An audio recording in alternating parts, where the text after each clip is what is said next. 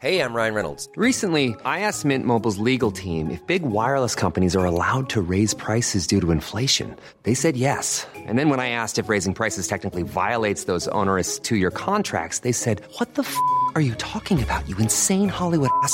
F- So to recap, we're cutting the price of Mint Unlimited from $30 a month to just $15 a month. Give it a try at mintmobile.com slash switch. $45 upfront for three months plus taxes and fees. Promo rate for new customers for limited time. Unlimited more than 40 gigabytes per month. Slows. Full terms at mintmobile.com. When you make decisions for your company, you look for the no brainers. And if you have a lot of mailing to do, stamps.com is the ultimate no brainer. It streamlines your processes to make your business more efficient, which makes you less busy. Mail checks, invoices, legal documents, and everything you need to keep your business running with stamps.com. Seamlessly connect with every major marketplace and shopping cart. Schedule package pickups and see your cheapest and fastest shipping options from different carriers with rates up to 89% off USPS and UPS rates. And with the stamps.com mobile app, you can take care of mailing and shipping wherever you are. Make the same no-brainer decision as over 1 million other businesses with stamps.com. Sign up with code program for a 4-week trial plus free postage and a free digital scale. No long-term commitments or contracts. That's stamps.com. Code program.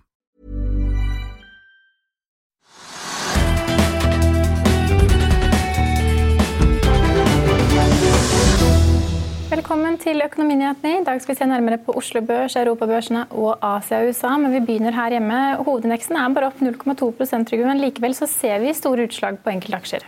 Ja, Markedet er lite opp. og det, det skyldes også det at eh, markedene var lite opp i går, både i Europa og i USA. Sånn litt avventende, uspennende holdning. Og det har ikke skjedd noen ting på Oslo Børs. eller altså viktig for oss å kunne tilsi da at eh, markedet skulle gå generelt. Altså, så det at markedet generelt eh, er opp 0,2 det er som man kunne vente. Men så er det som du er inne på, det er et par ting som er viktige. da. Altså, ikke veldig mange, men et par ting, sånn som Norwegian.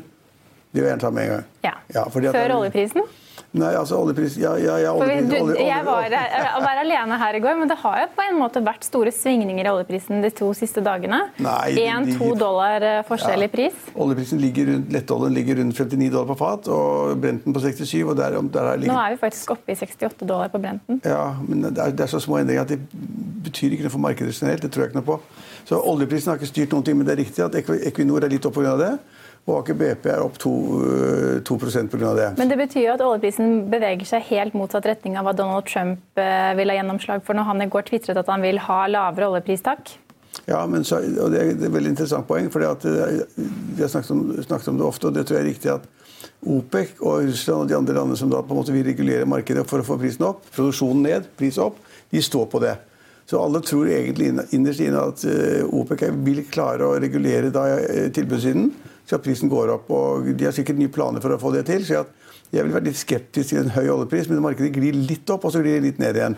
Og så er det da noen sterke krefter som sier at oljeprisen, den, hvis ikke OPEC liksom kommer med nye reguleringer, og Russland og de andre landene med nye reguleringer, så vil da oljeprisen falle til 50 dollar eller noe sånt. Men jeg er enig i hva du skal si, jeg har ikke noe svar på det. Det, er, det, liksom å komme med prognoser mot eh, statlige reguleringer og OPECs inngriper i markedet, det er helt nesten umulig. Men iallfall så ligger oljeprisen da rundt dette 59-intervallet for letteoljen og 67 på Brenten. Det er ikke store utslag, men det er nok til og det er godt poeng du har der, det er nok til at da de to såkalte oljeaksjene våre at de er opp i dag. Litt, grann, ikke så mye. Så må vi snakke om Norwegian. Da, ja, for Norwegian er jo en viktig case. For det første så har vi hele den lange perioden før emisjonen på 3 milliarder kroner som selskapet trengte, for det ville blitt i brudd på lånebetingelsene sine. De trengte penger. De tapte 3 milliarder eller noe slikt i fjor. Så de trengte penger, så fikk de da den, opp, den emisjonen på plass. Og den kom på plass også da ved veldig kjente investorer. Mens du var bortreist, så var det da kjente investorer som da Spetalen og Torstein Tvenge og Stenshagen og flere andre, og Arne Fredli. Alle de hadde da tegnet seg emisjonen på de 3 milliardene kronene ved det å måtte betale 33 kroner per aksje, som var da prisen på emisjonen. Og så måtte de kjøpe en tegningsrett for, for hver aksje de kjøpte. Og den tegningsretten kjøpte de av, av Bjørn Kjos for 15 kroner. Så da vet vi hva de betalte for aksjene. 48, 48 Og nå står, den, 48 kroner. nå står den i 44. Ja, og bare, bare avslutte. Den tegningsretten de fikk den billig, åpenbart ved at Kjos ville skaffe seg penger til å tegne en del av den emisjonen han ville være med på. Og for å ha penger til det, så solgte han retter. Men den, i markedet så gikk, ble den retten omsatt for 30 kroner. slik at disse såkalte proffe gutta de var flinke og heldige og fikk da retten på det laveste det var, nivået, mellom 15 og 30 kroner. Og pluss da 33 kroner, så kjøpte de aksjer i denne emisjonen for 48 kroner per aksje. Ja. Der var vi. Men i dag står aksjen i 44 og er ned 4,5% Ja, og det har- sa jeg for et par dager siden at jeg er dessverre redd for. Før, da den var, de, umiddelbart, nemlig etter emisjonen, så gikk aksjen opp i 55-56 kroner. Så at De som da hadde kjøpt for 48, de hadde en god, pen gevinst på 10-15% i løpet av få dager. Og så snakket vi om det her, eh, at eh, det er skummelt. og Jeg trodde ikke, trodde ikke at det ville vare. Og var redd for at kursen ville se 40-tallet. Og da, I løpet av et par dager så gikk den da til 48-49 kroner per aksje. Og så I dag så er den da på 44 eller sånn nå, 44 kroner per aksje. Så nå er de der proffe gutta som har satset på Norwegian, nå er de på in the red. De er i minus. Hvis ikke de allerede har solgt? Hvis de ikke har solgt, og det er et godt poeng. Spetalen kan ha solgt. Jeg er ikke så sikker på om Tvenge har solgt. Han har sagt at han har overført, til, overført aksjer til barna sine. Ja, altså Det er vanskelig å si, men Spetalen går jo ut hvis han ser at det går den gale veien. Og i dag går det litt den gale veien, fordi at den kursen på 44 kroner er da ned 4 kroner per aksje i forhold til hva han betalte. Det som er nytt, som, da på en måte, som kommer i tillegg til denne Boeing-skandalen, da, eh, som vi har vært igjennom, som da på en måte er et press på kursen, det er det at det kom meldinger da fra et eh, europeisk reiseselskap. Hva var det? Det var TUI? ja, de TUI? ja, ja, TUI, og de er blant de største. Og de har også da denne Boeing 737 Max-flyet. Jeg tror de har 15 fly eller noe sånt nå. Og de har sagt at dette er så ille. Hvis flyene blir stående på bakken til ut juli, så kommer de til å tape 2 milliarder kroner eller sånt nå. Men de har jo også 15 Boeing 737, da, maks. Ja, det var det jeg sa. Det er 15 fly. Ja. Jeg Altså- fikk ikke med meg at du sa 15, det må gjentas. Ja, ja, ja, det, det, det, er- men det omtrent samme antall som Norwegian har. Eh, Og de, de regner med å tape 2 milliarder, for de regner med, regner med høyere fuelkostnad, leie av fly, leie av mannskaper for å dekke behovet sitt. De flyr jo da sånne charterturer. Det var ikke noe good news. Og Så kom det også melding om etter de amerikanske selskapene som også har da 737 maks, 8, at de skal sette av 1 milliard for det er liksom å sette fly på bakken. så Nå kommer det meldinger fra andre flyselskaper og operatører som da har det flyet, at de kommer til å tape masse penger på det. Mens Bjørn Kjos og Norwegian har jo tiden sagt at vi kommer ikke til å tape noen ting. For vi kommer til å sende regningen til Boeing, og Boeing kommer til å dekke hvert eneste øre av de kostnadene ved det at flyene står på bakken, og at de må leie inn andre fly for å dekke den kapasiteten. Og det har jeg sagt hele tiden, at det tror jeg ikke noe på. Jeg tror aldri at Boeing kommer til å gjøre opp den regningen helt. Kanskje noe, kanskje delvis, det vet vi aldri. De var ga- ganske sjenerøse da det var krangel om disse, disse Rolls-Royce-motorene som de måtte reparere eller utbedre. Men jeg har ikke noe tro på det. og Nå kommer det, det er at selskapene er veldig forsiktige, da, de er børsnotert osv. At de da tar tapene i overkant. Det kan tenkes. Men det at kursen falt til 44 kroner, er fordi da markedet ser at også Norwegian kanskje må ta kjempetap på den uh, dessverre ulykkene med Boeing-flyene. Men samtidig så skriver Wall Street Journal at eh, Boeing mener å ha funnet feilen som er årsak til at disse to 737 Max-flyene eh, Alle, alle tror de har funnet feilen. Ja. Alle, altså, Og at det er snakk om en oppgradering av software-systemet som skal Ja. kunne implementeres rimelig raskt. Men sånn er det ikke så lett. For, det. for det første skal det da ordnes og fikses, så skal de installere denne software-saken, og så skal de teste den ut. Og det kan de ikke teste ut mens flyene er fulle av folk, for da kan det jo bli en ny katastrofe. Så derfor, når de har det nye softwaren på plass, når flyverne har fløyet i simulatorer for å teste ut hva som skjer hvis de da liksom hvis flyet begynner å tippe nedover, så må du trykke på 1, 2, 3, 4 passord og telefonnummer og ID og sånn. Og så må du da liksom koble ut den der automatikken og fly manuelt. Og inntil alle har gjort det, og er sikre på at det går i orden, så må flyene fly tomme. Eh, Og det skal testes ut. Og da er vi kanskje ute i juni-juli, kanskje ut på september-oktober. Og det er jo på en måte en katastrofe for disse selskapene som da trenger flyene. Så samtlige av flyselskapene som har Boeing 737 Max-fly i stallen, vil måtte belage seg på tap. Sånn sier, altså, Bare jeg tror så er det slik. Men hvis da, og jeg tror Boeing også kommer til å tape masse penger. Fordi mange som har bestilt fly, kommer til å avbestille. Eh, Så de må sette av masse penger til fremtidig tap, og så får de da ikke ordre de hadde regnet med. Og så flyter pengene til Airbus, som er konkurrenten til Boeing.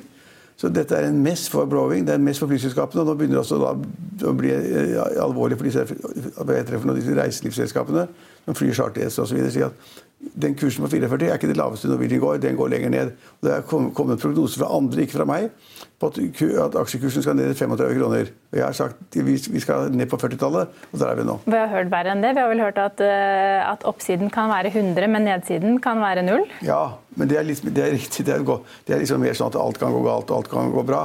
Men altså da, hvordan kurs, kursen kan utvikle seg i takt med de dårlige meldingene som vi antar må komme, så sier jeg at den skulle ned på lave 40-tallet, og så er det noen som sier 35 kroner.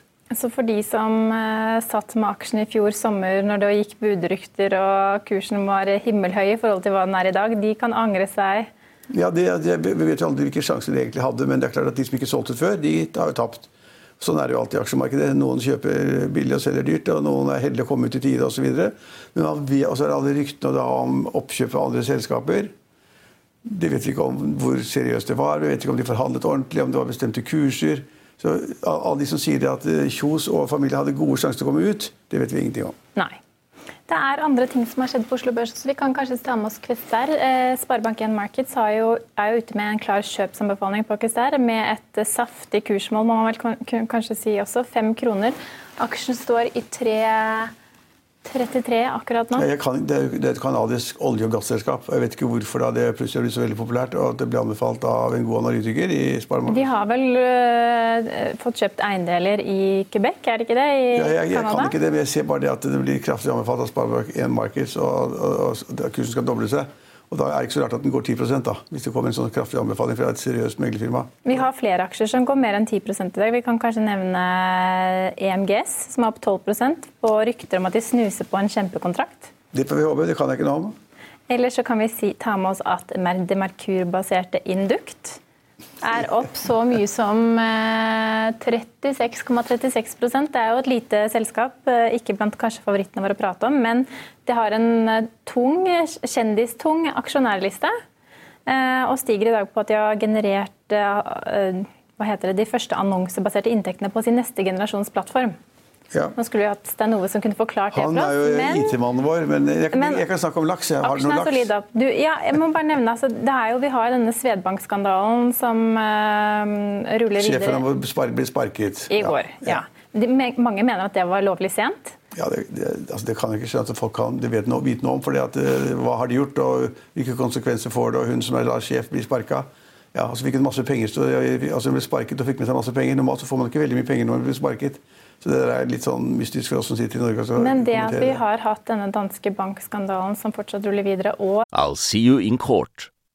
Vi sier det ofte litt på spøk, men for deg som driver business, er det aldri moro å innse at du ikke har laget en 100% gyldig kontrakt.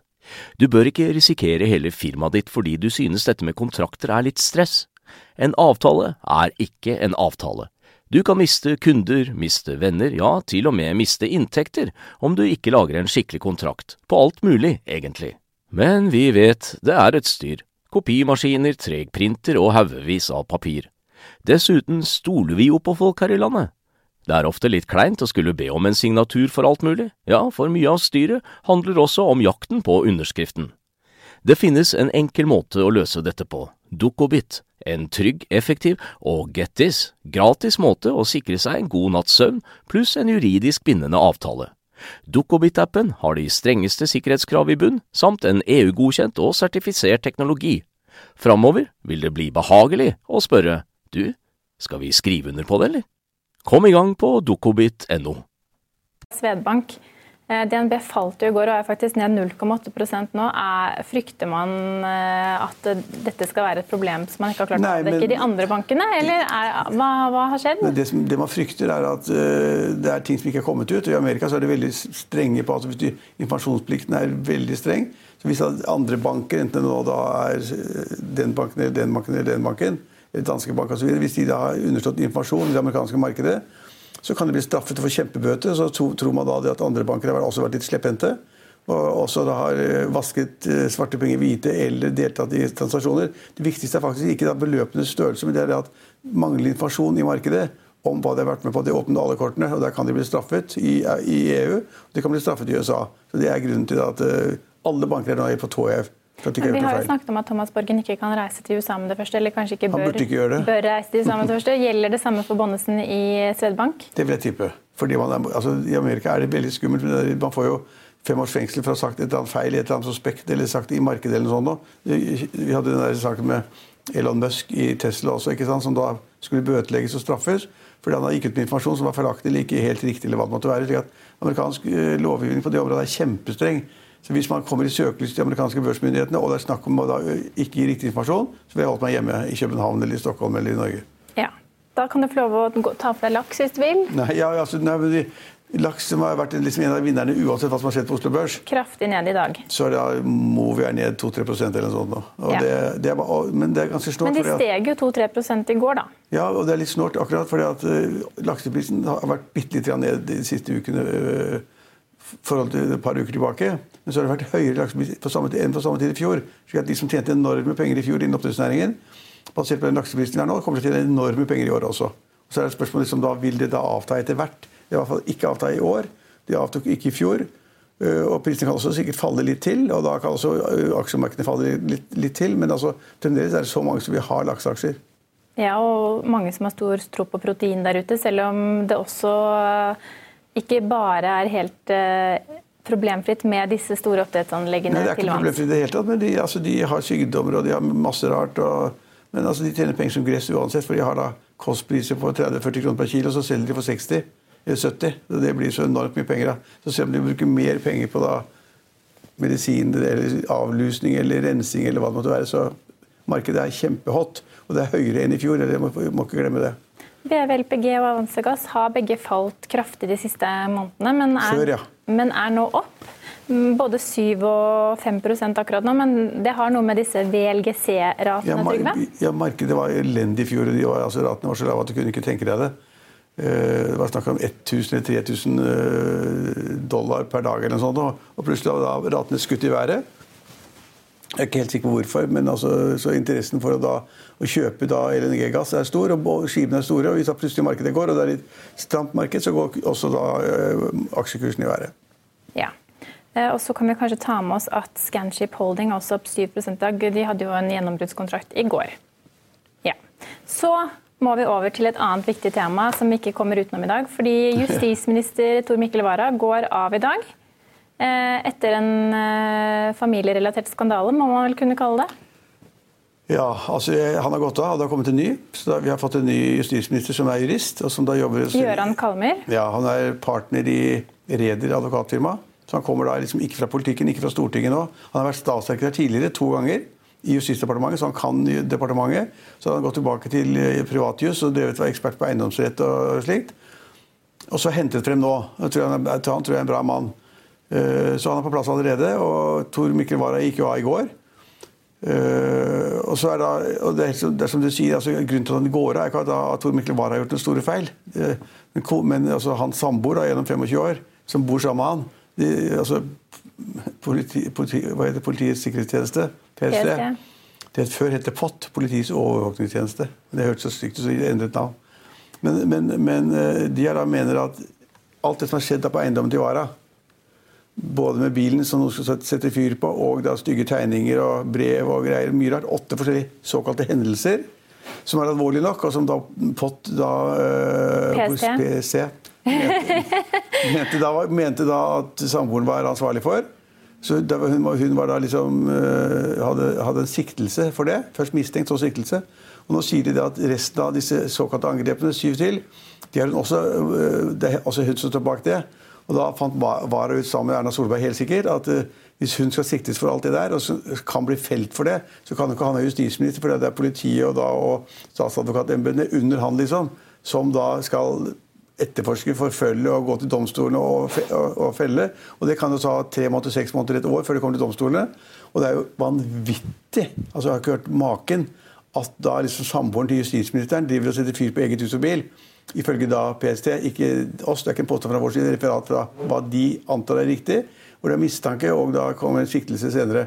Så han måtte gå av pga. samboeren. Og, det er jo, og Men- hvis du skal bli felt på dette, her, så er det altså en politisk skandale som jeg kan ikke huske at Norge har opplevd. Men er det urettferdig Hva som er urettferdig? at han må gå av? Nei. Han, har vel gjort en ganske god jobb som justisminister? Ja, han kan ikke sitte der hvis politiet skal etterforske samboeren sin. Nei. For da åtte angrep, altså åtte angrep på hus og biler og hatgreier og sånn. Og det sies også det at hun da har skrevet et trusselbrev til, Til da uh, Tybring-Gjedde kona til Tybring-Gjedde, ja. som er da sånn eh, Hva heter det for noe sånn eh, Det- sik, Hva heter sikkerhetsminister, eller hva Ja. heter det for noe? Eller annet. Det er en avdeling i Justisdepartementet da, Ja. som driver da med sikkerhet i Norge. Og hun ville vært en naturlig arvtaker etter Wara. Eh, er, hun er også statsråd i samme bygning og samme, ja, samme del av politikken. Men hun kan ikke, for hun er da truet av samboeren til Ivara.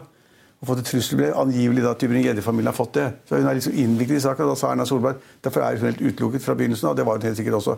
Det, så det er ikke urettferdig at Wara går. Han må gå. Dessuten så vil han gjerne gå. Han sier jo det at det viktigste i mitt liv er min lille familie. Min lille familie. Den skal jeg ta vare på. Og familien min trenger meg mer enn regjeringen trenger meg. Det er helt sikkert riktig. Akkurat nå.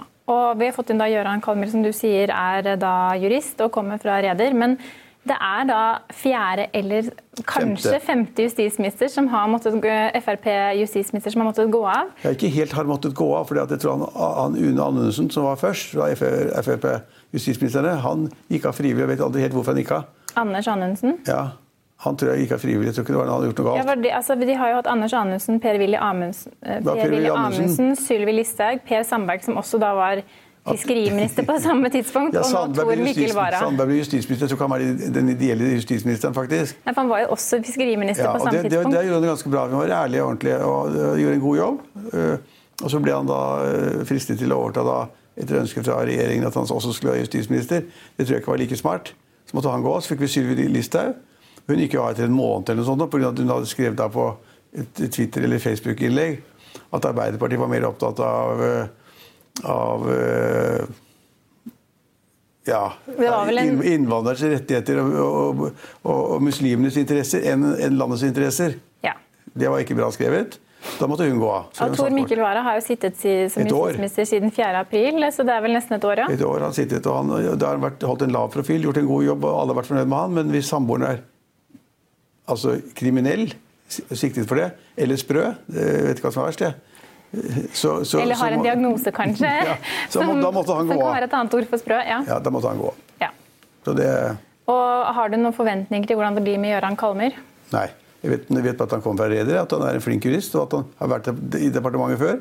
Så det er sikkert bra å ha en god jurist til å styre det departementet. Og så tror jeg det trengte seg veldig nøye om før de plukket ut han. De har hatt bare et par dager for seg. da. Eh, men det er litt mystisk. Liksom, politikken er litt rar. at Hvorfor skal Fremskrittspartiet ha justisministeren? Jo, fordi at de har sagt at hvert parti får så og så mange statsråder. Fire eller fem eller syv eller hva det måtte være. Venstre har bare én, to. to miljøvernministeren og kulturministeren. Eh, og når de har fått da to, en kvote på to, så kan da Venstre og i dette tilfellet da Fremskrittspartiet de kan da velge selv hvem de vil ha der. Men så må de skride seg statsministerens kontor, SMK, testet ut at de ikke har gjort noe feil, at de ikke har stjålet noe eller rappa noe eller vært med på et eller annet galt. Så de skal være helt hvite. Og da har de brukt lynraskt. Da har de da funnet ut at at han er helt hvit. God mann, en god jurist. Har sittet i departementet før. Har sikkert skrevet før også, da han var statssekretær. Og så satte han til jobben i dag.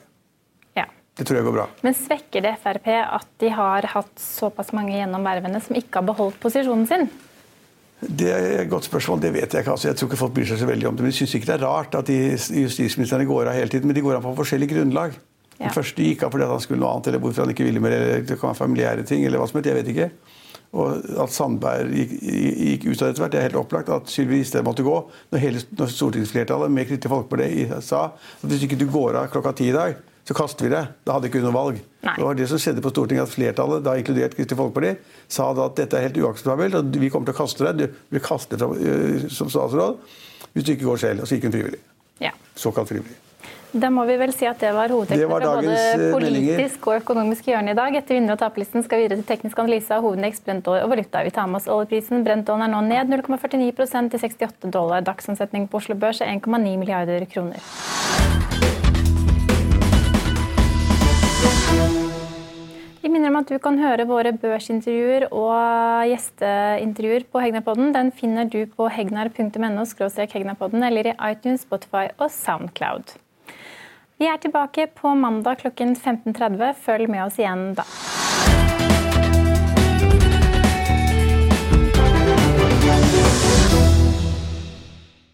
Økonominyhetene er en podkast fra Finansavisen. Programledere er Marius Lorentzen, Stein Ove Haugen og Benedikte Storm Bamvik.